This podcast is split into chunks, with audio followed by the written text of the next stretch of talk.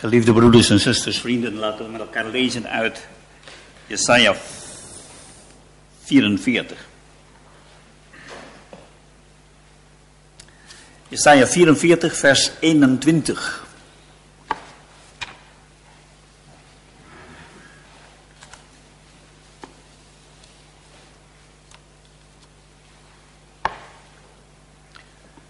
Denkt hieraan, Jacob, Israël, want gij zijt mijn knecht. Ik heb u geformeerd, gij zijt mijn knecht, Israël. Gij wordt door mij niet vergeten. Ik vaag uw overtredingen weg als een nevel en uw zonden als een wolk. Keer terug tot mij, want ik heb u verlost. Jubelt, gij hemelen, want de Heere heeft het gedaan. Juicht, gij diepten der aarde, breekt uit in gejubel. Gij bergen, gij woud met alle geboomte daarin. Want de Heere heeft Jacob verlost en hij verheerlijkt zichzelf in Israël. Zo zegt de Heere, uw losser en uw formeerder van de moederschoot aan. Ik ben de Heere die alles gemaakt hebt, die de hemel hebt uitgespannen, ik alleen, die de aarde uitgebreid hebt door eigen kracht, die de tekenen der leugenprofeten teniet doet en de waarzeggers als dwazen aan de kaak stel, die de wijzen doet terugwijken en hun kennis tot dwaasheid maakt, die het woord van mijn knecht gestand doet, knecht Jesaja, en de aankondiging van mijn boden volvoer, die tot Jeruzalem zegt, het worden bewoond tot de steden van Juda, laten ze herbouwd worden, haar puinhopen richt ik weer op, die tot de diepte zegt, verdroog, uw rivieren doe ik opdrogen, die tot Kores zegt, mijn herder, mijn herder. Hij zal al mijn welbehagen volvoeren door tot Jeruzalem te zeggen, het worden herbouwd en de tempel worden gegrondvest. Zo zegt de Heere tot zijn gezalfde, tot zijn Christus.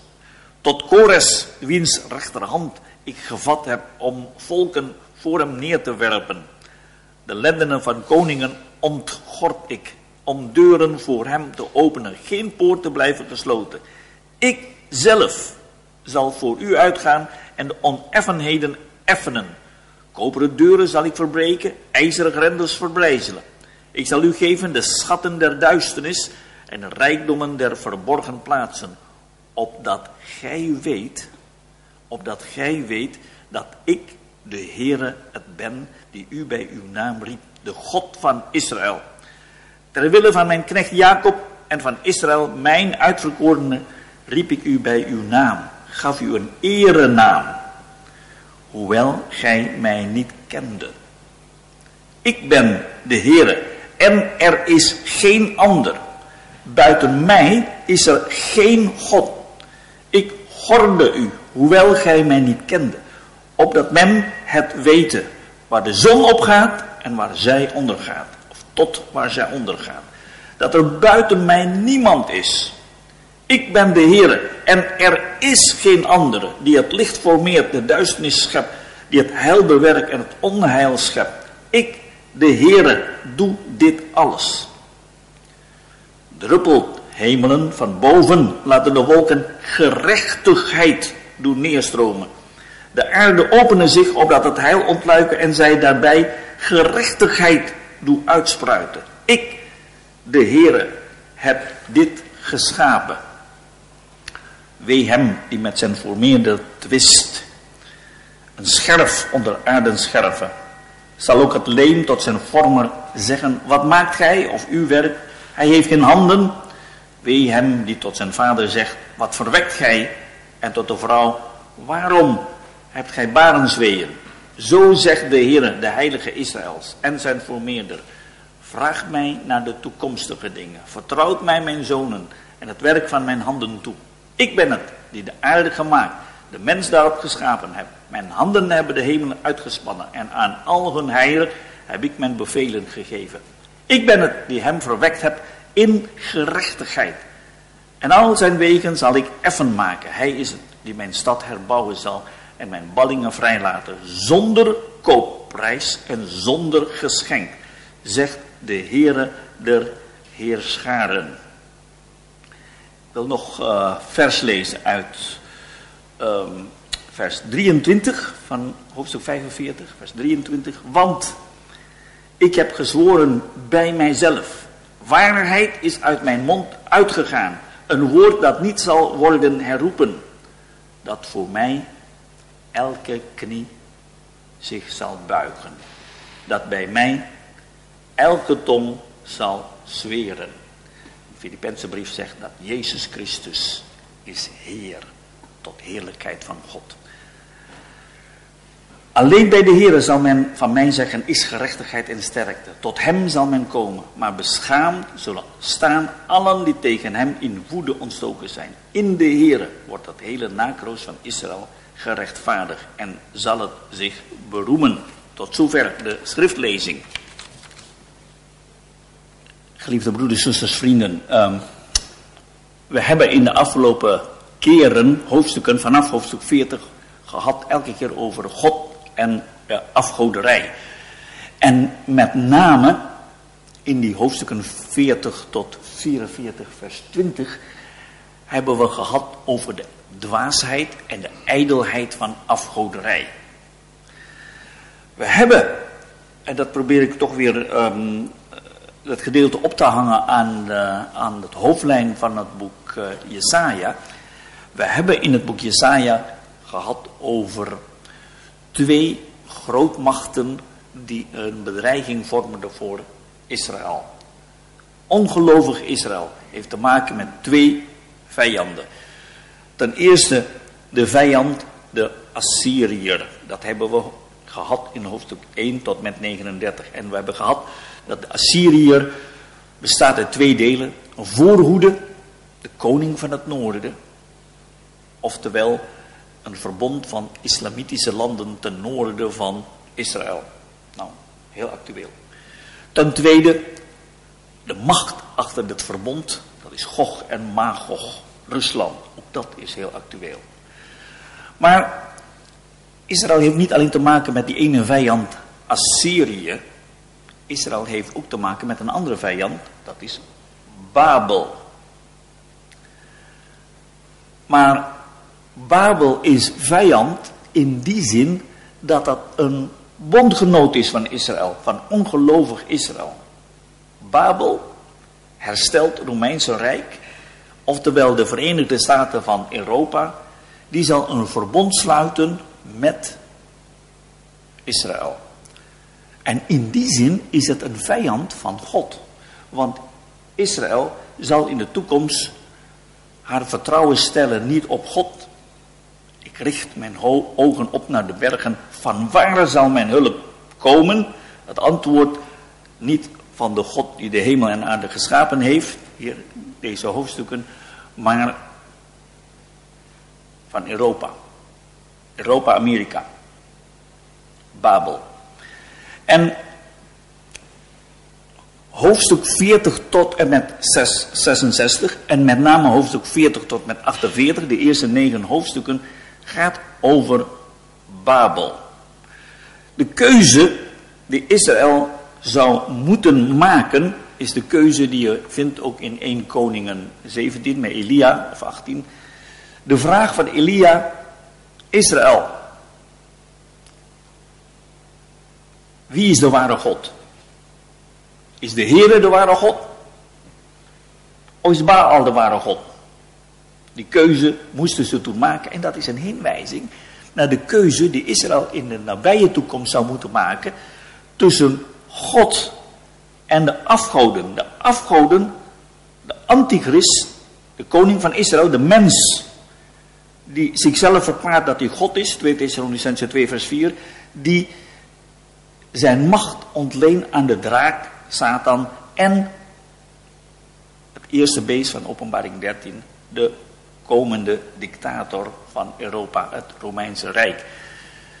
Dat maakt duidelijk dat eerste negen hoofdstukken is de keuze tussen de, tussen de ware God en de afgoden. Dat verklaart ook, dat, um, dat zullen we straks zien, dat... Um, Oh ja, dat staat hier ook. Um, tien keer in dit gedeelte vinden we, van hoofdstuk 44 tot 48, tot tien keer toe, dat de Heere God is de eerste en de laatste. Dat wil zeggen, de enige waarachtige God. Buiten mij is er geen God. Je zou de vraag stellen, waarom moet dat nou zo vaak herhaald worden? Wel, omdat dat juist de, de, de gouden draad is, het thema is van dit gedeelte. God verklaart, buiten mij is er geen God. Van die drie uitdrukkingen in openbaring 22, de alfa en omega, dat is hij als het woord. De derde, het begin en het einde, zijn de relatie tot de schepping. Vinden we de tweede, dat is, hij is de eerste en de laatste. Dat is zijn godheid. Dat wil zeggen, eerste en de laatste, betekent hij is de enige. Hij is de enige God. En die afgoden daar dan, nee, die afgoden zijn geen goden. Die tellen helemaal niet mee. Dat is de, het onderwijs wat we vinden in Jesaja 40 tot 48. En met name in de eerste vier hoofdstukken hebben we keer op keer en ook vorige maand met elkaar gezien. De afgoden, het dienen van afgoden, dat is dwaasheid. Maar de afgoden, dat is nietig. we moeten wel bedenken dat de afgoden in die tijd bestond uit beelden. Twee keer zes. Dat is het beeld van Nebukadnezar in Daniel 3. 60 keer 6L, 2 keer 6. Maar in de toekomst is het getal van de mens 666, 3 keer 6. En dan is de afgod niet een beeld, maar een mens. Met andere woorden, al die ijdelheid, die ledigheid van het boek Jesaja, ten aanzien van die afgoden, wordt straks geprojecteerd bij die ene man die van zichzelf zegt dat hij God is. De antichrist, de hoogtepunt van afgoderij. De druppel die de emmer doet overlopen. De maat van de zonden van Israël. De maat van de zonden van deze wereld.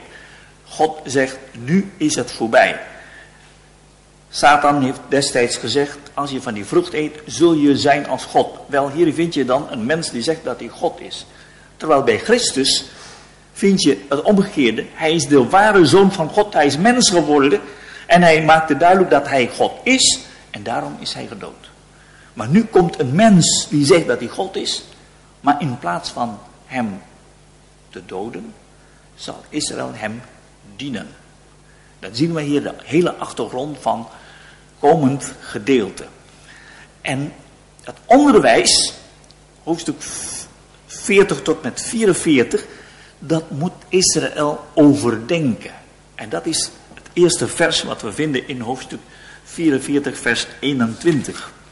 Hoofdstuk 24, 44, vers 21 zegt ons. Denk hieraan.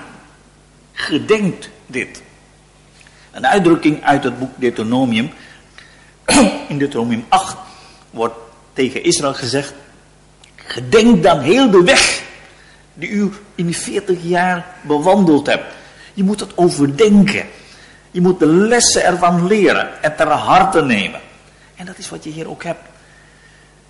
We hebben vier hoofdstukken nu over afgo afgoden overdag. En de Heere God zegt door middel van Jezaja, nou moet je dit overdenken, in je hart bewaren. Dat komt, die uitdrukking komt elke keer, elke keer, keer op keer. Ook tegen de, tegen de overtreders, de naambeleiders van de Joden, vind je in hoofdstuk 46, vers 8. Denk hieraan. Denk hieraan. Gedenk. Het is, en dat is meteen, meteen ook voor ons heel belangrijk. Als je het woord van God tot ons neemt. Dat wij dat, wij dat met je hart gaat overdenken. Dat dat niet hapslik weg zoals een varken, zeg ik dan maar, maar als een schaap, dat je dat herkant, opnieuw overdenkt en nog eens overdenkt en nog eens overdenkt. En dat heeft resultaat. Dat zullen we dus moeten overdenken. En als je gaat overdenken, dan heb ik hier drie punten in deze uh, versen, vers 21 22, die verband houdt, consequentie van wat je overdenkt. Je mag deze dingen overdenken, want ten eerste, jij bent mijn knecht. Jij bent mijn knecht. Ik heb je daartoe geformeerd. Ik heb je gevormd met dat doel. Verhaal van Jacob. Jacob in de school van God tot Israël gevormd om de Here te dienen. En tot knecht. Hier is het tot getuige. God zegt dat ik de ware God ben. Heb ik getuigen. Dat is een hele recht, rechtszaak, hoofdstuk 40 tot 48. In een rechtszaak wordt God uitgedaagd. En God zegt, mijn getuige, Israël. Kijk maar naar Israël. Mijn knecht. Gaan we dat toepassen op onszelf? Ook wij zijn geformeerd. We zijn wedergeboren, tot kinderen gods gemaakt. Met een bepaald doel dat wij Christus zouden laten zien. Opdat Christus gestalte zou krijgen, gelaten brief in ons leven. En als we dat doen, dan zijn wij zijn getuigen. We hebben net gehad, uh, Andries heeft gezegd in het gebed, we zijn uitzonderingen. Ja, we zijn uitzonderingen. Waarom? Omdat wij tot getuigen gesteld zijn. In Jesaja lees je in het begin van de eerste paar hoofdstukken over, uh, over Jesaja zelf. Zie, ik en die kinderen die gij mij gegeven hebt, zijn gesteld tot tekenen voor dit volk. En dat wordt toegepast profetisch op de Heer Jezus zelf, die zegt in Johannes 17 ook, ik en diegene die gij mij gegeven heeft, de kinderen Gods. En samen, Jesaja en zijn kinderen, die twee zonen, en de Heer Jezus en de gelovigen zijn tot tekenen in deze tijd. We zijn leesbare, hopelijk dan, levende brieven van Christus in deze wereld. De mensen hebben vaak gezegd tegen elkaar, die lezen de Bijbel niet meer vandaag de dag, maar zij lezen uw en mijn leven. Wij zijn brieven van Christus. En dat is eigenlijk de bedoeling van God. Eerste je moet dat overdenken omdat je uh, tot uh, geformeerd bent, gemaakt bent met een bepaald doel. Ten tweede, dat is gezegd, je bent de knecht, uh, de knecht van God, de enige waarachtige God. Met andere woorden, Israël mag getuigen dat God de ene ware God is. En alle andere, die zogenaamde goden, zijn afgoden. Ten tweede, God is Israël nooit vergeten. Ik heb je niet vergeten. Gij wordt door mij niet vergeten. Heel belangrijk.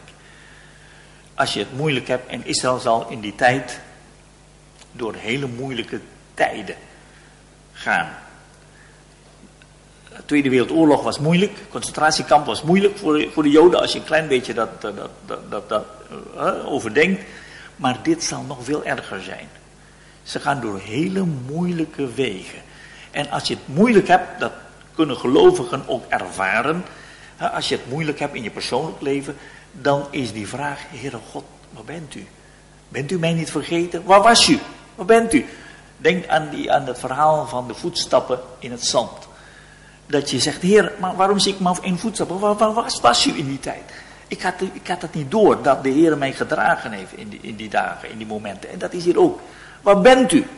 God is jou niet vergeten. Maar dat wil zeggen, jij zelf mag God ook niet vergeten op zulke momenten. Je mag God vasthouden. Want wat is de uitwerking van afgoden? De afgoden trekt jouw hart weg van God, waardoor je God gaat vergeten. Ik heb een paar teksten genoemd. Het is heel belangrijk dat uh, aan, afgod is alles wat jouw hart wegtrekt van God. Daarom is God met heilige jaloersheid, kijkt God naar, naar afgoden. Omdat de afgoden dreigen dan onze harten weg te trekken. Ten derde, zegt de Heere God, ik heb uw zonden, uw overtredingen vergeven. Nou, dat is hier nog een wonder. Dat is hier nog een vraagteken. Maar God heeft dat hier beloofd. En dat, is, dat wordt uitgewerkt in hoofdstukken 49 tot met 57, met name hoofdstuk 53. Waar duidelijk wordt dat Christus gekomen is om het probleem van de zonde op te lossen. Maar dat wordt hier al aangestipt als, als, als belofte. Je overtredingen worden vergeven. Wij leven in de tijd dat we door genade mogen weten. Dat is zo. Israël zal dit nog moeten leren. Ik vaag uw overtredingen weg als een nevel en uw zonden als een wolk. Ja, je kunt op verschillende manieren opvatten. Als een nevel, dat betekent ineens zal die nevel door de zon weggenomen worden. Als een wolk, dat wat tussen de hemel en aarde is, dat zal ook weg zijn. Alle hindernis tussen ons en God zal weggenomen worden. En dat heeft ook gevolgen. Gevolgen voor de hele schepping. Want vers 23 spreekt over de gevolgen ervan voor de ganse schepping. Dat brengt ons natuurlijk naar Romeinen 8. Want ook de schepping zucht op dit moment. En die verwacht ook hè, de verlossing van de, eh, van, de, van de zonen gods. Dat wil zeggen, als wij verheerlijk zijn, dan zal de schepping ook mee verheerlijk worden. Dan zal de gevolgen van de zonde voor de schepping ook weg zijn. En daarom zucht de schepping. En hier zien wij ook de schepping die wacht op die verlossing van Israël. Ze zullen juichen, want de Heere heeft Jacob verlost. En hij verheerlijkt zichzelf in Israël. Dat is eigenlijk een heel belangrijk thema. De verlossing van Israël is niet alleen vanwege Israël. Het is niet zo dat God zegt, nou ja, ik heb medelijden met Israël, ik wil, en daarom zal ik Israël verlossen. Nee, de naam van de Heer is verbonden met het lot van Israël. Net als een goede herder, een herder kan zeggen, nou ja, die schapen van mij, die, die zijn eigenwijs, die, die lopen allemaal weg. Maar de naam van de herder wordt bepaald door het feit dat zijn schapen gezond en veilig zijn. En zo is Israël, de redding van Israël, tot eer van de Heer. Uw naam wordt geheiligd. In Ezekiel staat in verbinding met het heil van Israël. Als iemand dat bidt, gebed van onze, gebed van onze vader, dan is dat een gebed in verbinding met het herstel van Israël. En dat is wat je hier hebt de gevolgen ervan voor de hele schepping. Als gevolg daarvan, in vers 22, als gevolg van die drie punten, geeft de Heer een boodschap. Een boodschap. En dat luidt, keer terug tot mij, want ik heb u verlost, ik heb u gelost. Ik ben je losser. De ware Boas, dat is letterlijk. Ik ben, dat betekent dat de Heer een mens is geworden. En hij heeft de prijs betaald. Dat is de hele gedachte van de losser. Maar daarom zegt de Heer, en hier wordt die boodschap gebracht tot Israël. Je hebt twee delen van Israël. Onbekeerd Israël en het gelovig overblijfsel van Israël. En de boodschap van de Heer is, keer terug tot mij. Letterlijk is het bekeer je je tot mij. Draai je om. Keer terug naar mij. Waarom? Vanwege deze drie dingen en vanwege het onderwijs wat Israël gehad heeft ten aanzien van de afgoden. En dan zegt de Heer, weet je wie dit zegt? Ik ben de Heer. We hebben het gehad. Trouwe verbondsgod. Ik ben de losser. We hebben het gehad over de losser. Hij die mens is geworden om die prijs te kunnen betalen. ik ben ook uw formeerder van de moederschoot aan. Hij heeft een recht over Israël omdat hij Israël gevormd heeft. Naar ons toe, in, in, in, in, in het Nieuwe Testament, hij is onze schepper. Maar hij heeft ons ook verlost. Twee dingen. En de Heer zegt, als schepper heb ik het alleen gedaan. Ik heb geen hulp bij gehad. Niemand, niemand was bij mij. Waarom zegt de Heer dat? Om duidelijk te maken hoe ver verheven hij is boven de afgoden. Die afgoden waren er niet toen God, toen God de hemel en aarde schiep. Dus waarom zou je de afgoden dienen? Waarom zou je die ene mens daar in Jeruzalem, die van zichzelf zegt dat hij God is, waarom zou je die aanbidden? Dat is eigenlijk het thema hier. En deze afgoderij is verbonden met leugenprofeten, waarzeggerij en het is allemaal dwaasheid. In tegenstelling daarmee, in tegenstelling daarmee zegt de Heer, ik ben niet alleen de schepper van hemel en aarde, ik ben niet alleen de formeerder van Israël, ik ben ook diegene die garant staat voor de vervulling van de woorden van mijn profeet. Dat is eigenlijk wat vers 26 zegt. Machtige belofte, die het woord van mijn knecht gestand doet.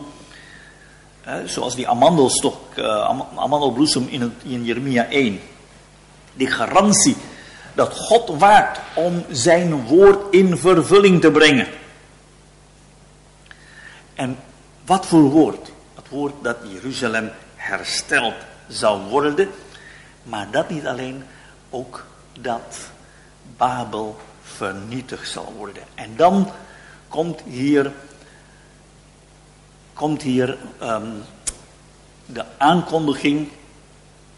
De Heer zegt niet alleen de oude dingen, maar ook iets nieuws. De Heer gaat dat doen door middel van zijn instrument koning Kores. Kores de pers. Kores, die hier genoemd wordt, mijn herder. We hebben een keer eh, over herder, een jaar of twee geleden, conferentie in Arnhem gehad. En drie, drie uh, uitdrukkingen uh, herder. maar één ervan is uit Petersbrief de herder die opgewekt is uit de doden. En dat is wat hier bedoeld wordt. De herder die hier is, is Christus die opgestaan is uit de doden. En Kores brengt ons, en dan, hè, en dan, als het goed is, moeten onze harten sneller gaan kloppen.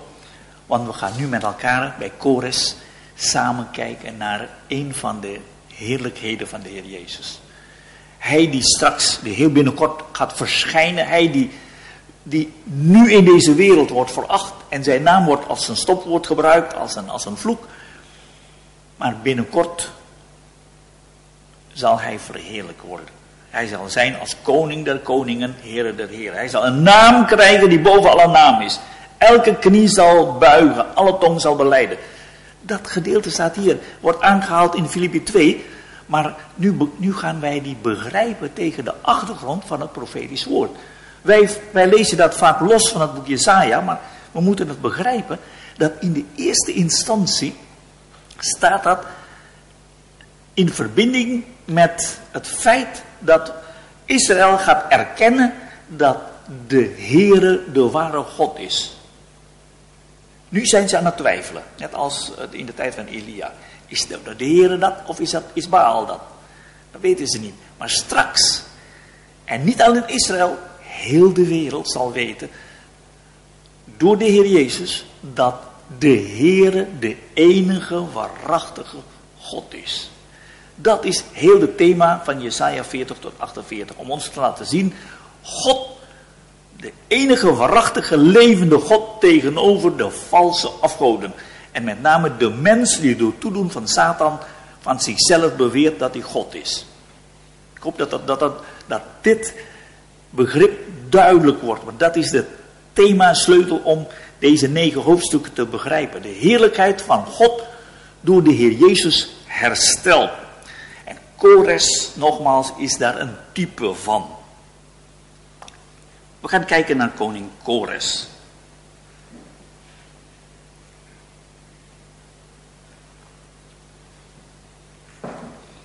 Kores of Cyrus. Ik heb hier toegevoegd uh, dat de Heer bestuurt de geschiedenis, maar heel de geschiedenis, de history, is his story. Het gaat over hem, over de Heer Jezus. De Heer Jezus zegt dat, zowel in Lucas 24 tegen de Emmausgangers, als ook in eh, Johannes 5. De schrift is het die van mij getuigt. Met andere woorden, toen God door de Heilige Geest het Oude Testament laat schrijven, is het met de bedoeling om een schilderij te geven van de Heer Jezus. Lees je over Melchizedek, lees je over eh, de aartsvaders, lees je over David. Het gaat allemaal over hem. De Heer Jezus die zijn hart vervult. Maar ook koning Kores is een type van de Heer Jezus. Kores is de eerste koning van, uh, van uh, Perzië. En we zullen met elkaar zien um, wat een belangrijk persoon hij is in de geschiedenis van de wereld, maar ook in het profetische woord. Kores, oftewel Cyrus, hier vind je een, een, uh, een uh, gravure van hem uit, uit de oudheid. Kores is bekend vanwege zijn cilinder. Dat is 100 jaar geleden ontdekt in Persepolis in Iran. En dat bevestigt eigenlijk alles wat we vinden over Kores in de Bijbel. Je vindt dit in het British Museum in Londen. Maar dat is zo ontzettend belangrijk dat, uh, dat men een kopie daarvan heeft gemaakt en neergezet heeft uh, in, uh, in New York bij de, in de, op de tweede verdieping van het gebouw van de VN, omdat dat de eerste manifest is van mensenrechten. Daar sprak Kores over herstel van de volkeren, de rechten van de volkeren. Altijd in de hele geschiedenis is het zo als een koning een ander land overwint, dan, ja, dan wordt dat lijden, dan wordt het allemaal vervelend. Maar Kores is de enige koning in heel de geschiedenis die als hij overwint, dan zijn de overwinnaars allemaal blij. Dan de, de, de verliezers blij, sorry, dat zijn de verliezers allemaal blij. Want die zijn, die overwonnenen zijn blij, want die, zijn, die, hebben beter, die hebben het beter. Kijk naar het volk Israël, toen Kores overwon, toen mochten ze God weer dienen. Toen mochten ze terug naar Israël. Toen mochten ze al die gouden dingen terugbrengen, uh, meenemen. En dat staat allemaal in, hier beschreven in deze cilinder, waardoor dat een enig eerste manifest is van mensenrechten in de wereld, zegt men. Maar wij begrijpen dat Kores door God bestuurd wordt om zo uitzonderlijk persoon te zijn. Want profetie van Kores hier is 160 jaar voordat Kores Babel overwon. Dat is geschreven voordat Babel een machtig koninkrijk is geworden. Dat duurt nog jaren voordat Babel machtig werd. En jaren voordat Babel weer, 70 jaar later, vernietigd wordt. 160 jaar daarvoor. Je kunt voorstellen dat het boek Jesaja voor de moderne theologen een steen des aanstoots is. Want als je gelooft dat Jesaja dit geschreven heeft, dan moet dat hier gaan om de ware, levende God. Maar als je niet gelooft dat er een God is, dan kan Jesaja dit natuurlijk niet schrijven en dus zou Jesaja geschreven moeten worden door een zogenaamd deutere Jesaja, een vervalser die 200 jaar later de naam van Jesaja heeft misbruikt en zegt nou ik ben Jesaja, maar dat is, dat is altijd achteraf schrijven. Maar wij geloven dat Jesaja geïnspireerd door de Heilige Geest hierover geschreven heeft. Maar niet alleen over Kores als koning die 160 jaar later zou komen. Maar die heeft nog een verdere vervulling, een dubbele vervulling. Vervulling op korte termijn, 160 jaar. Maar ook een vervulling van 25, 26, 100 jaar. Namelijk Christus. dubbele vervulling. Voorvervulling, Kores. En we zullen zien, ik, ik, laat, ik laat even een paar versen zien om duidelijk te maken dat hier eigenlijk niet gaat om Kores. Ik noem even een, een, een voorbeeld in vers 8. Druppelt hemelen van boven en laten de wolken gerechtigheid doen neerstromen. Koning der gerechtigheid, Melchizedek. Dat vind je alleen maar bij de Heer Jezus. Hier vind je twee keer gerechtigheid, gerechtigheid die van boven komt. En dat is tzadik, in het Hebreeuws mannelijk gerechtigheid. En van onder het heil ontluiken en zij daarbij vanuit de aarde gerechtigheid doen uitspuiten. Dat is tzedekah. Dat is gerechtigheid vrouwelijk. Mannelijk gerechtigheid, vrouwelijk gerechtigheid, dat betekent helemaal vol van gerechtigheid.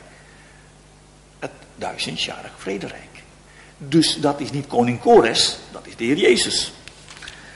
Um, vers 14 en vers 14 maakt ook duidelijk, dat is nog nooit vervuld geweest, dat zal vervuld worden. Het vermogen van Egypte, koopwaar van Ethiopië enzovoorts zullen tot u overkomen en u toebehoren. Ook dat is iets wat in het duizendjarig vrederijk, begin daarvan, vervuld zal worden.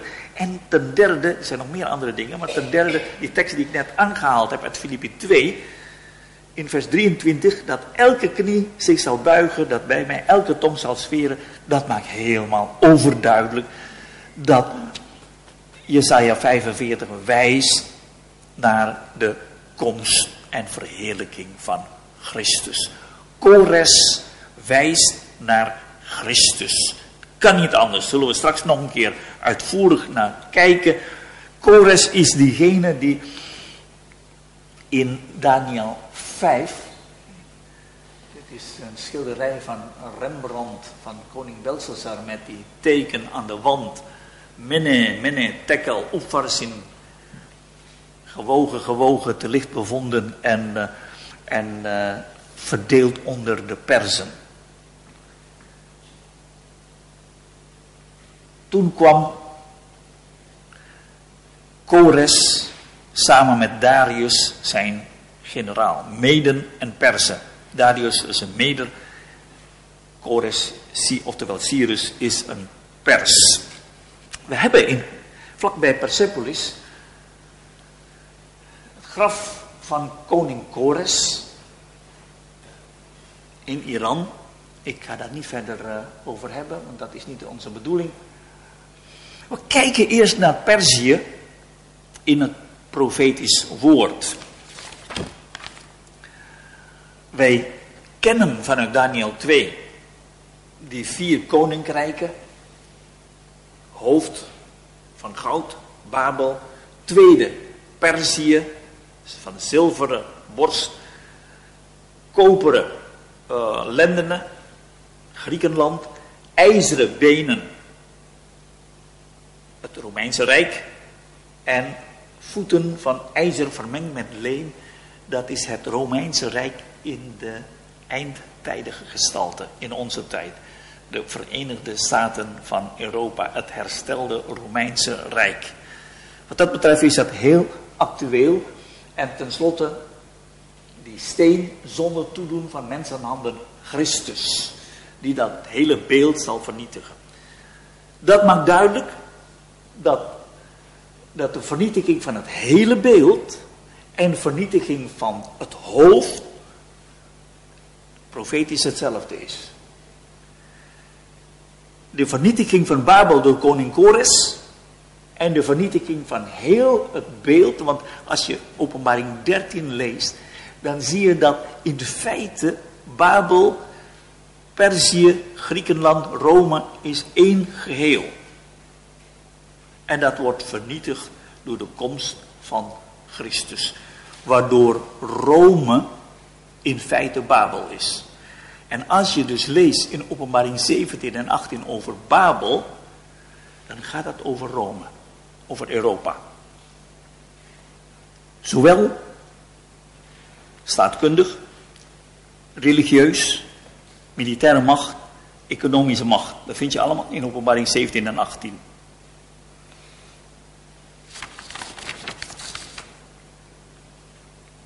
In Daniel 7 vinden we dat nog een keer.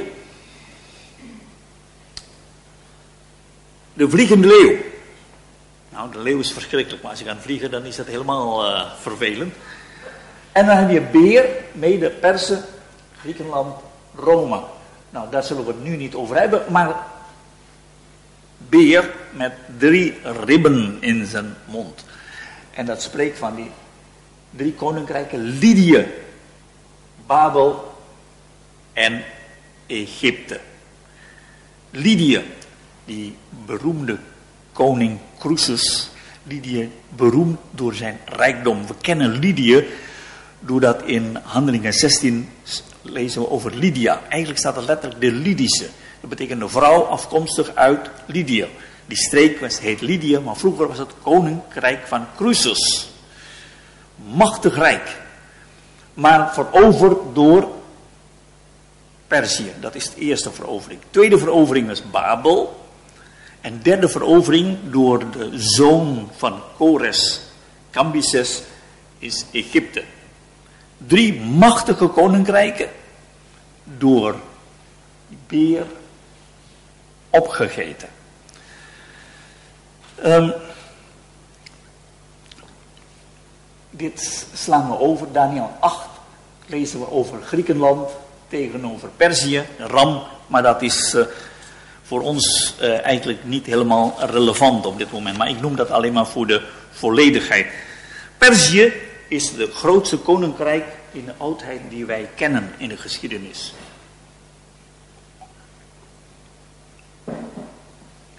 Je ziet hier Persepolis, de hoofdstad. Even kijken, ik heb begrepen dat met een. Even kijken. Ja, kijk. Persepolis. En hier zie je de Meden. Koerdistan noemen we dat tegenwoordig. Perzië, oftewel Iran, heeft eerst samen met de Meden een koninkrijk gevormd. En samen hebben ze Lydië in West-Turkije veroverd. Dit is Libië. Daarna Babel, oftewel de tegenwoordige Irak. En daarna Egypte. Geweldig groot koninkrijk, rijkend van Griekenland, Turkije, Libië, Egypte, Ethiopië, tot aan de eh, Pakistan, eh, Pakistan, tot de grens van India, tot in Rusland geweldig groot koninkrijk. Sorry. Komt iets dichterbij. Maar uh, dat is dan uh, dat is Perzië. En dan kijken we hier de verovering van Babylon. Uh, zoals hier gezegd is, we hebben gelezen in Jesaja 45 hoe Kores eigenlijk, de oorlogen van Kores, dat is ongelooflijk. In het begin heeft hij gevochten tegen de Meden. Maar de oorlog, dat is maar snel gebeurd. Want de Meden, de, helft van het leger van de Meden, die, die koos de kant van, uh, van Perzië. En toen, ja, dan is er geen oorlog meer. Als de helft van je, van je soldaten de andere kant kiest, dan is het schouw voorbij. Bij koning Croesus, die dacht, nou ja, eh, het is, uh, ik, kan nu, ik kan me terugtrekken, dus dan, dan komt er geen oorlog. En hij dacht, nou, daar is een die heeft uh, orakel van Delphi geraadpleegd, maar de orakels zijn altijd bedriegers, want die kan je altijd naar twee kanten, dat net als horoscopen, uitleggen. De orakel van Delphi zegt,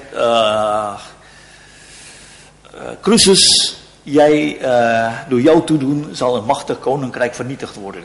Toen dacht ik, nou dat is het koninkrijk van Perzië, dus vrolijk ging hij aan, aan te gaan strijden, maar zijn koninkrijk werd vernietigd.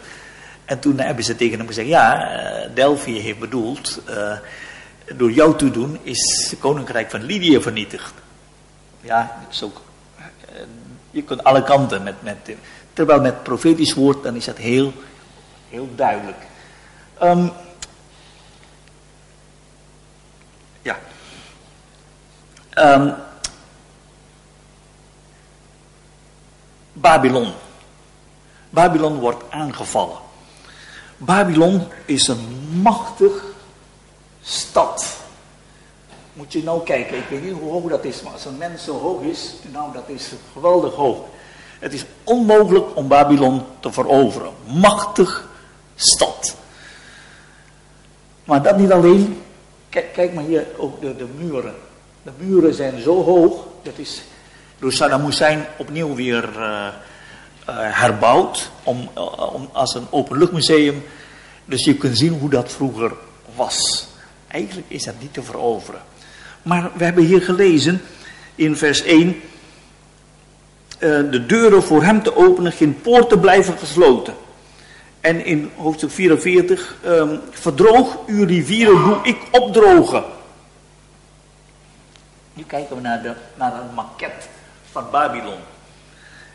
In de maquette van Babylon zie je de rivier de Eufraat lopen door deze stad, deze stad met een extra verdedigingsmuur. Nou, dat is onmogelijk om, om dat te veroveren. En toen Kores met Darius dan ook hier, hier het leger van, van Kores zat daar en daar. Toen zaten ze hier te feesten, Belshazzar. Ik dacht, nou, ze hebben genoeg eten en de rivier loopt hier, dus genoeg water.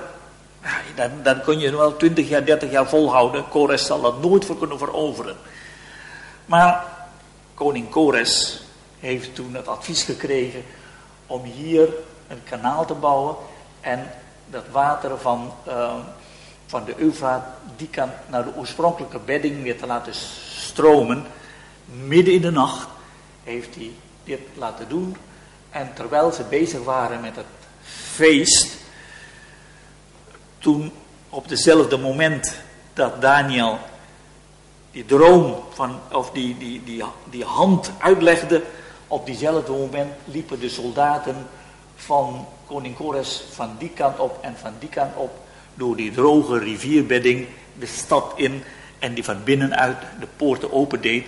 En toen bleek ook nog dat de bevolking de kant van Kores koos. Toen was er eigenlijk geen strijd meer. Was het zo in één nacht afgelopen, zonder enige strijd. Maar zo werd Babel eigenlijk zonder strijd verslagen. Want, en dat lezen we hier in vers 1. Zo zegt de Heer tot zijn gezalfde, tot Kores, wiens rechterhand ik gevat heb. Dat is een uitdrukking die in Jesaja 42 bij de knecht des Heren, de Heer Jezus, wordt gebruikt. Ik heb uw hand gevat, zegt God tegen de Heer Jezus. En dat wordt hier gezegd tegen koning Kores. En Kores wordt hier genoemd zijn gezalfde. Dat maakt duidelijk, overduidelijk, een heenwijzing naar de Heer Jezus in de toekomst.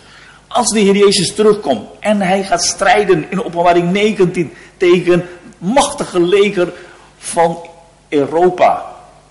Nou, dat, dat mag je geen strijd noemen. Mag je geen strijd noemen. Het is één woord uit zijn mond. Het zwaard uit zijn mond lezen we. En dan in één keer is het over en uit met het leger van Verenigde Staten van Europa. Want ogenschijnlijk is dat een strijd tussen Babel en Assyrië. Tussen de koning van het noorden, de moslims en, en het leger van Europa. Maar in feite is dat een oorlog tussen al die legers tezamen tegen Christus en zijn gezal, tegen Christus, en Gods, Gods gezalfde en zijn leger. Dat is in feite. Zoals vroeger Herodes en Pilatus tezamen waren tegen Christus, zo zal het ook zijn in de toekomst. Maar zo mogen we zien hoe die stad in één keer veroverd is. En, en zoals hier staat, verdroog uw rivieren, doe ik opdrogen, zegt de Heer tegen Kores. Zo is dat 160 jaar later ook gebeurd. Zo heeft Herodotus, de Griekse geschiedschrijver, dat beschreven. Voor ons is dat verder niet, niet van belang, maar wel dat je weet, ja, zoals God dat geprofiteerd heeft, zo is dat toen vervuld. Korte termijn vervulling, maar die lange termijn vervulling, dat zal binnenkort gebeuren. Maar dit is geschreven ons tot bemoediging. Zo werd dat vervuld. En diezelfde God heeft ook gezegd over de eindtijd.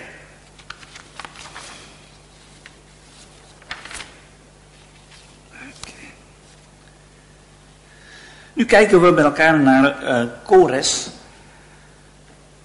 als een type van Christus.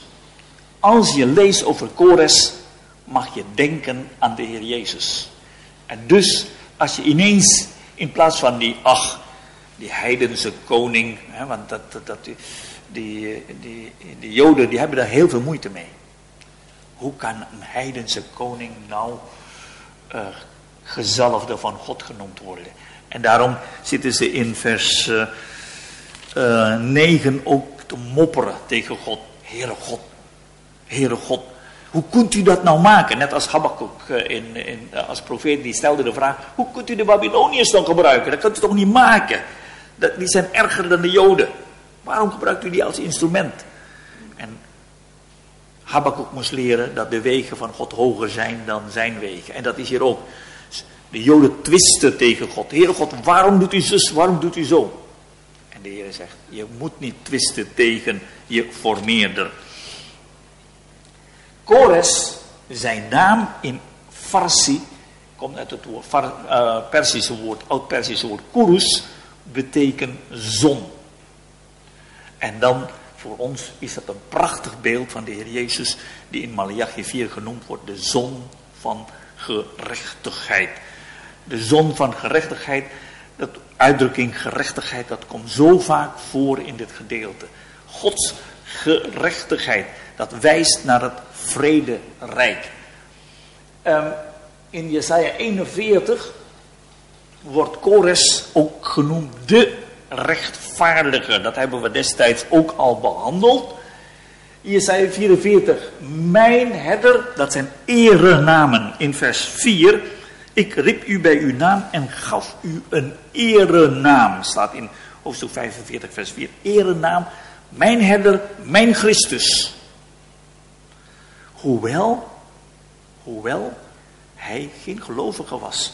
Hoewel gij mij niet kende. Dus hier is het duidelijk dat, dat Kores, een heidense koning, toch een type kan zijn van Christus. Geen gelovige en toch door God gebruikt als type. Dat de Joden gingen mopperen, zegt de Heer, dat is niet terecht. De Heer weet alle dingen. Ik ben de Heere. En nog meer in hoofdstuk 48, vers 14.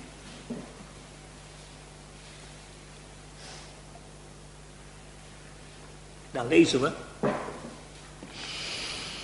Hij die de Heere, dien de Heere lief heeft, die door de Heere geliefd is. Het voorwerp van Gods liefde. Nou, Kores, een ongelovige, een voorwerp van Gods liefde. Maar ik denk, ik hoop dat dat voor ons allemaal duidelijk is. Kores als type van de Heer Jezus. Hij van wie God drie keer getuigde. Keer op keer getuigde de Heer. Opende de hemel en verklaarde deze is mijn geliefde zoon. Voorwerp van Gods liefde. Zo wordt hij hier genoemd. Dan kan het niet anders, nogmaals, als we over lezen over Kores, dat je hart sneller moet gaan kloppen. Want je ziet daar haast vermomd, haast een, een, een heenwijzing naar de Heer Jezus. Alles in de schrift, alles wat goed en mooi en heerlijk is, wijst naar de Heer Jezus in het Oude Testament. Zo ook koning Kores.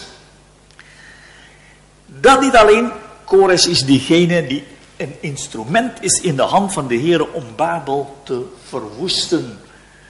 Vergelijk Daniel 2. Die verwoest Babel als die steen die zonder toedoen van mensenhanden dat hele beeld vernietigt, maar ook als Kores die het gouden hoofd vernietigt. Beide is dat beeld van Christus. Maar dan mag je gaan naar het boek Openbaring. Je leest in Openbaring 17 en 18 over Babel. En dan in hoofdstuk 19 zien wij de verschijning van Christus. In de verschijning van Christus zien wij hem op dat witte paard en achter hem een grote schare, legere schare gelovigen. Maar hij, die de voorste is, met een kleed gedompeld in bloed, rood. En wiens wapen is het zwaard uit zijn mond. Eén woord uit zijn mond is voldoende om heel het Romeinse leger te vernietigen. Net als, als wat de Heer al tevoren gedaan heeft toen de Israëlieten, de Romeinen, hem wilden gevangen nemen. Toen ze gevangen wilden nemen, kwamen 600 van die potige commando's, kerels, en die wilden de Heer Jezus gevangen nemen. Wie zoekt gij? Jezus van Nazareth. Ik ben. Toen de naam van de Heer, de Ik ben, wordt genoemd, toen vielen alle 600 potige mannen plat op hun rug. Als de Heer had gewild, waren ze op de rug gebleven. Maar de Heer gaf hen weer kracht om op te staan. Maar dat heeft de Heer gedaan. Waarom? Om ons te laten zien dat één woord uit zijn mond. Hij, hij zal niet strijden met zijn arm, met het zwaard uit zijn mond. Psalm 2. Dat maakt duidelijk. één woord van de Heer Jezus. Hij, de schepper van hemel en aarde. Hoe heeft hij de hemel en aarde geschapen? Hij zei, er zij licht. En er was licht. Eén woord van hem was voldoende. Zijn machtige woord. Met hetzelfde woord zal hij de vijand vernietigen. Hetzelfde woord, broeders en zusters, hebben wij hier. Laten we beseffen dat we hier het woord van God bezitten. Het is hetzelfde woord. Toen heeft God dat woord gebruikt om de hemel en de aarde te scheppen. Dat woord in de toekomst om het Romeinse Rijk te vernietigen. Met datzelfde woord zijn wij wederom geboren. We zijn wedergeboren door het levende woord van God. Maar hetzelfde woord van God is een lamp voor mijn voet en een licht op onze pad. Is het niet geweldig dat we, ik hoop dat we meer gaan beseffen de macht van het woord van God. We zijn rijk. We hebben, we, moeten steeds meer gaan beseffen de kracht van zijn woord. Zonder dat woord is er geen heil. Zonder dat woord kunnen we Christus niet leren kennen. Hij is het vlees geworden woord. Dat is wat we hier vinden in, uh, in openbaring 19. Ten slotte, Kores is diegene die zorgt als u leest in het boek Ezra over terugkeer van Zerubabel. Als u leest eh, Haggai en Zacharia, dan gaat dat over deze koning Kores. Die zorgt voor de herbouw van de tempel en herstel van, uh, van ook van, de, van later van de muren van de stad door toedoen van uh, Nehemia bij een andere koning. Maar dat maakt duidelijk dat onder de koning van Perzië heb je herstel van tempel en stad. En dat maakt duidelijk, dat is de tweevoudige heerlijkheid van de Heer Jezus als koning Daarvoor heeft hij een stad nodig. En priester, daartoe heeft hij een tempel nodig. De koning-priester, de ware Melchizedek. De priester van de Allerhoogste God. Dat is hier beschreven in, uh, in, in Jesaja 45 met het doel opdat Kores het weet. Vers 3. Kores moest een les leren. De, eh, ik dacht dat Josephus dat duidelijk maakt dat Kores heeft van de Joden gehoord.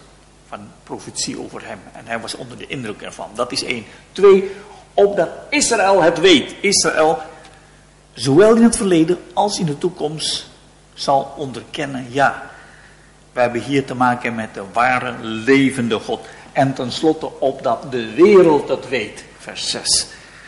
En vandaag is het opdat u en ik, opdat wij dat weten. Wij mogen weten dat we te maken hebben met de levende en waarachtige God. En we mogen zijn getuigen zijn.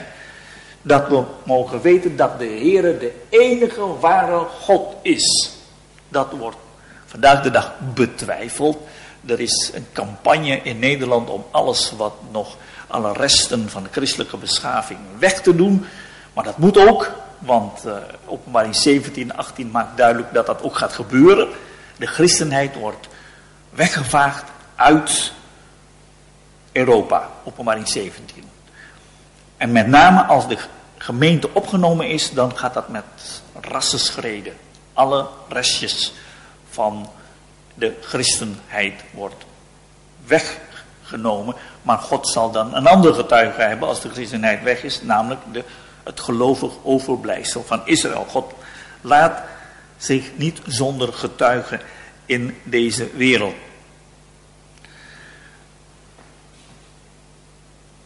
We hebben dit ook al gehad over de gerechtigheid mannelijk en vrouwelijk in vers 14. Dan gaan we verder naar, naar overzicht in Jesaja 46. In het kort hebben we, we hebben het vorige keer over gehad, vorige maand. Het oordeel over de afgoden van Babel.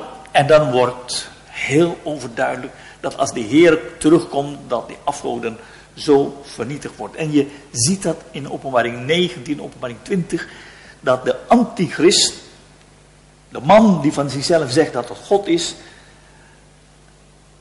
dat God deze man werpt in de hel zonder dat hij sterft. Twee personen. Het beest van het Romeinse Rijk en de antichrist. Deze twee personen gaan zonder te sterven de hel in. Alle anderen die zullen sterven en opgewekt worden en dan voor de grote witte troon komen. Maar deze twee zijn zo overduidelijk slecht dat God zegt, zij gaan in één keer in de poel van vuur. En dat is wat we hier ook vinden in, uh, in uh, Jesaja 46, het oordeel over Babel. En die goden van Babel worden hier belachelijk gemaakt. Bel is ineengeschonken, dat wil zeggen vallen op hun knieën. Nebo is ter neergebogen, dat betekent letterlijk in het Hebreeuws, er zullen vallen op hun rug. En dan komt een woordspeling over het woord dragen. Dit zijn goden die gedragen moeten worden. En die zijn tot last voor de lastdieren, omdat ze, ja, toen, toen uh, Perzië Babel overwon, toen worden die afgodsbeelden ook gedragen en, die, en dat was voor de lastdieren heel zwaar, want dat waren allemaal metalen, metalen beelden. In tegenstelling daarmee, zegt de Heer, Israël, ik ben diegene die jou draagt. En niet, ik ben niet de God die door jou gedragen wordt. Nee, ik ben die jou draagt. En in vers 4, tot de ouderdom ben ik dezelfde, hij is de ik ben, en tot de grijsheid toe zal ik u torsen. Ik heb het gedaan, ik zal dragen, ik zal torsen en redden. Dat betekent, kijk, als we baby's hebben, tenminste als ze niet al te zwaar zijn, dan dragen we die. Maar je hebt zo van die zware baby's. Maar op een gegeven moment worden de baby's, als ze, als ze één jaar oud zijn, zo zwaar, dan moeten ze maar lopen. Kleine kinderen, dan draag je nog. Maar als, als ze twintig zijn, dan draag je ze niet meer. En als ze oud zijn, ook niet meer. Ik, bedoel, ik, uh, ik heb drie zonen, maar ik ga ze niet dragen. Dat, dat, dat lukt me niet meer. Maar de Heere God draagt het volk Israël tot de grijsheid toe. Met andere woorden, de, hij blijft onze vader en hij is in staat om ons te dragen in alle omstandigheden. Zo'n God is dat. Dat is onze God. Terwijl de afgoden, die moet je dragen. Die maak je alleen maar moe. En dus, met wie wilt gij mij vergelijken en gelijkstellen? Wie is u gelijk? Waar is een God aan u gelijk, zingen we dan. En dat is eigenlijk heel, heel dat gedeelte hier uh, tentoonspreiden.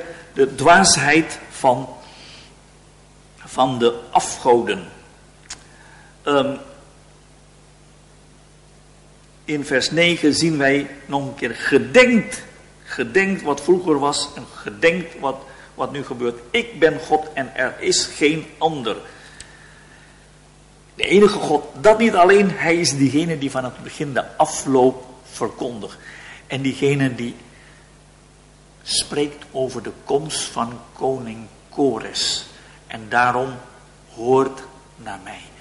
En je vindt niet alleen de ondergang in vers hoofdstuk 46 van de goden van Babel, maar in hoofdstuk 47 ondergang van het koninkrijk van Babel zelf. Die Babel zelf, Europa, en als je leest in vers 6, genadeloos. Ik heb mijn erfdeel ontwijd en het u uw macht gegeven. Gij hebt geen barmhartigheid bewezen. Dat, dat is wat Europa zal doen. Samen met de antichrist tegenover de gelovigen. Het gelovig overblijfsel van Israël. Genadeloos. Dan vind je de martelaren van de grote verdrukking. Openbaring 6 en openbaring 13. En aan het eind van vers 6, begin vers 7. Gij zei, ik blijf eeuwig gebiedster. Een hoogmoed. Gruwelijkheid hoogmoed. En tenslotte in vers 9 toverij. Drie kenmerken van Babel, van Europa in deze tijd. Europa is bezig om alles met, wat met God en gebod te maken heeft los te laten. Maar dan komt de toverij, afgoderij. Je ziet dat eigenlijk in, uh, in Matthäus 12. Die ene demon is uitgedreven en hij ging aan de wandel. En toen dacht hij, nou ik ga kijken hoe dat mijn oude tehuis was. En hij zag dat dat leeg, geveegd en versierd was. En toen zei hij, nou uh, ik uh, nodig even een paar vrienden bij. En toen, uh, en toen was dat heel gezellig. En het einde ervan was vreselijker, erger dan het begin. Dat geldt voor Israël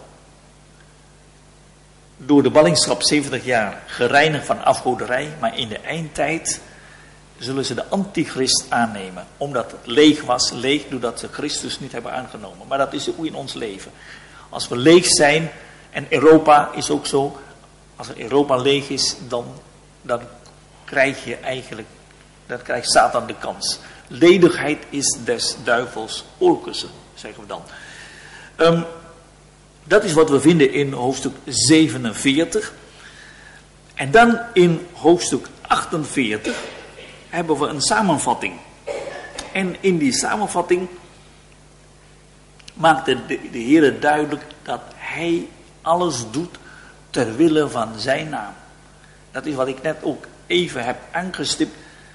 Wij denken soms, nou ja, uh, ons heil is het belangrijkste van alles. Dat is wat we vaak denken. Maar we mogen leren één les. Ons heil is maar een onderdeel van zijn plan. Hij heeft een ander doel. Het doel van God is om hem te verheerlijken. We zijn geschapen tot zijn heerlijkheid. Dat is Gods doel. En dat hij ons gered heeft, het heil gegeven aan ons, is maar een instrument om zijn doel te bereiken. Daarom is de behoudenis nooit een doel op zichzelf. Maar Paulus was niet tevreden dat hij toen de Galaten tot bekering waren gekomen. Hij zegt, ik ben opnieuw in baresnood over u, want Christus moet gestalte in jou krijgen. God is pas verheerlijk als je op de Heer Jezus gaat lijken. Op je, als je vruchten in je leven gaat, gaat, gaat brengen. En dat is dat is wat we hier ook vinden. Wat we hier vinden is in vers 9 van hoofdstuk 48. Om mijns naams wil vertraag ik mijn toren, ter wille van mijn lof. Vers, vers 11. Om mijnend wil, om mijnend wil doe ik dat. Niet om uwentwil, om mijnentwil. Hoe groot ook de ontwijding is, mijn eer geef ik aan geen ander. En dat is voor ons een geweldige les. Wat is zonde? Zonde betekent het doel missen. Dat is in het Hebreeuws. Dat woord gataat betekent het doel missen. De Benjaminieten konden een haar raken zonder te zondigen, zonder het doel te missen.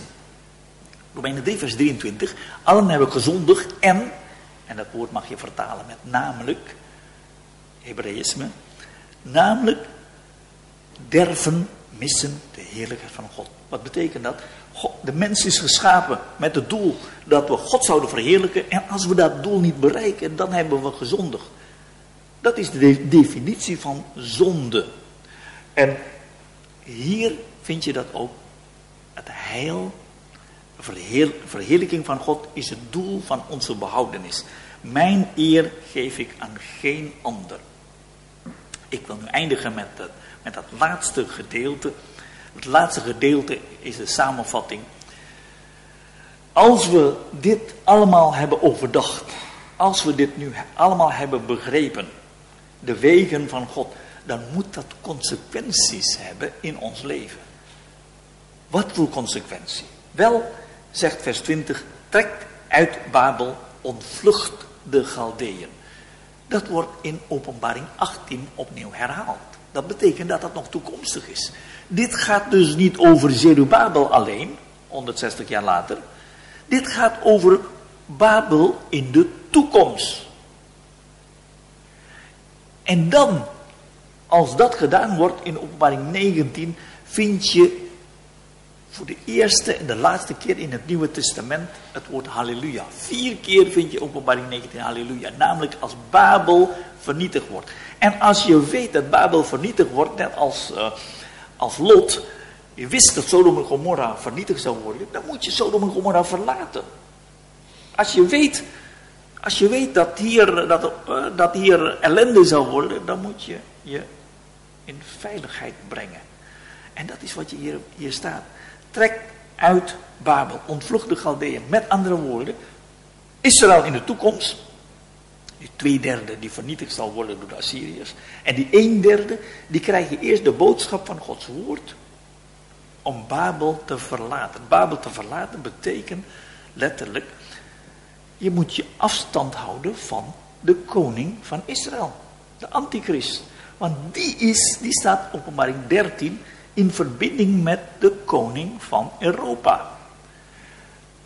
Zij zullen dit gaan herkennen.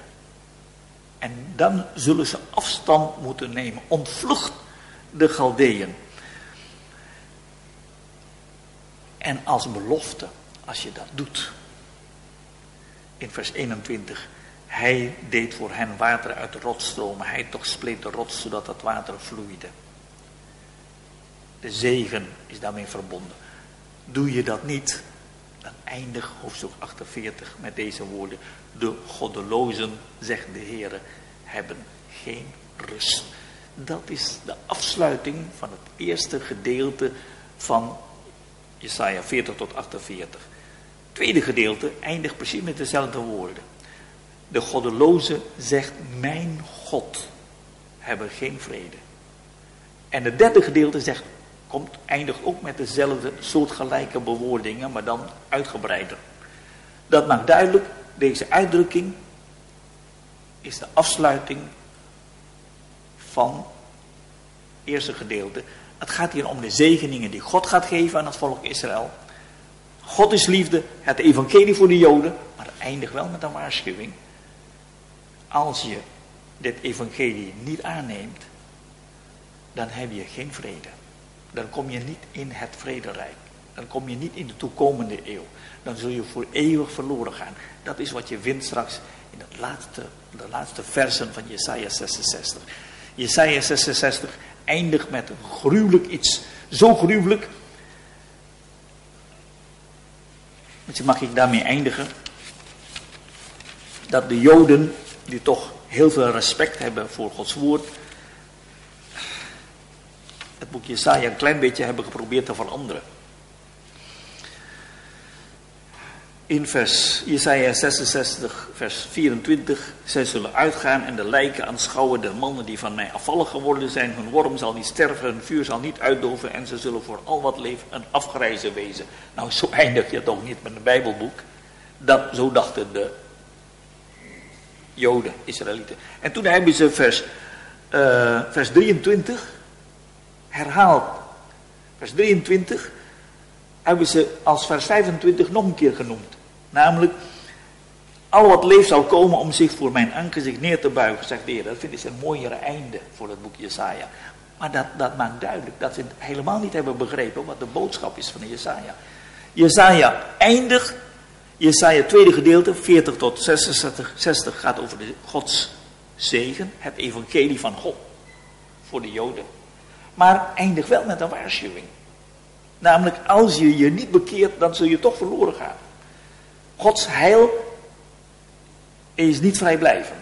Als je Gods heil afwijst, dan zul je voor eeuwig verloren gaan. En dat is zo afgrijzelijk dat dat hier geschreven staat als een monument ter waarschuwing. Die worden niet begraven, die lijken die, die liggen daar op straat als waarschuwing voor de mensen van... Dat is een lot voor diegenen die zich niet bekeren. Mogen de Heer geven dat we gaan beseffen wat een voorrecht dat is... dat wij nu het evangelie van Gods genade mogen kennen en geloven.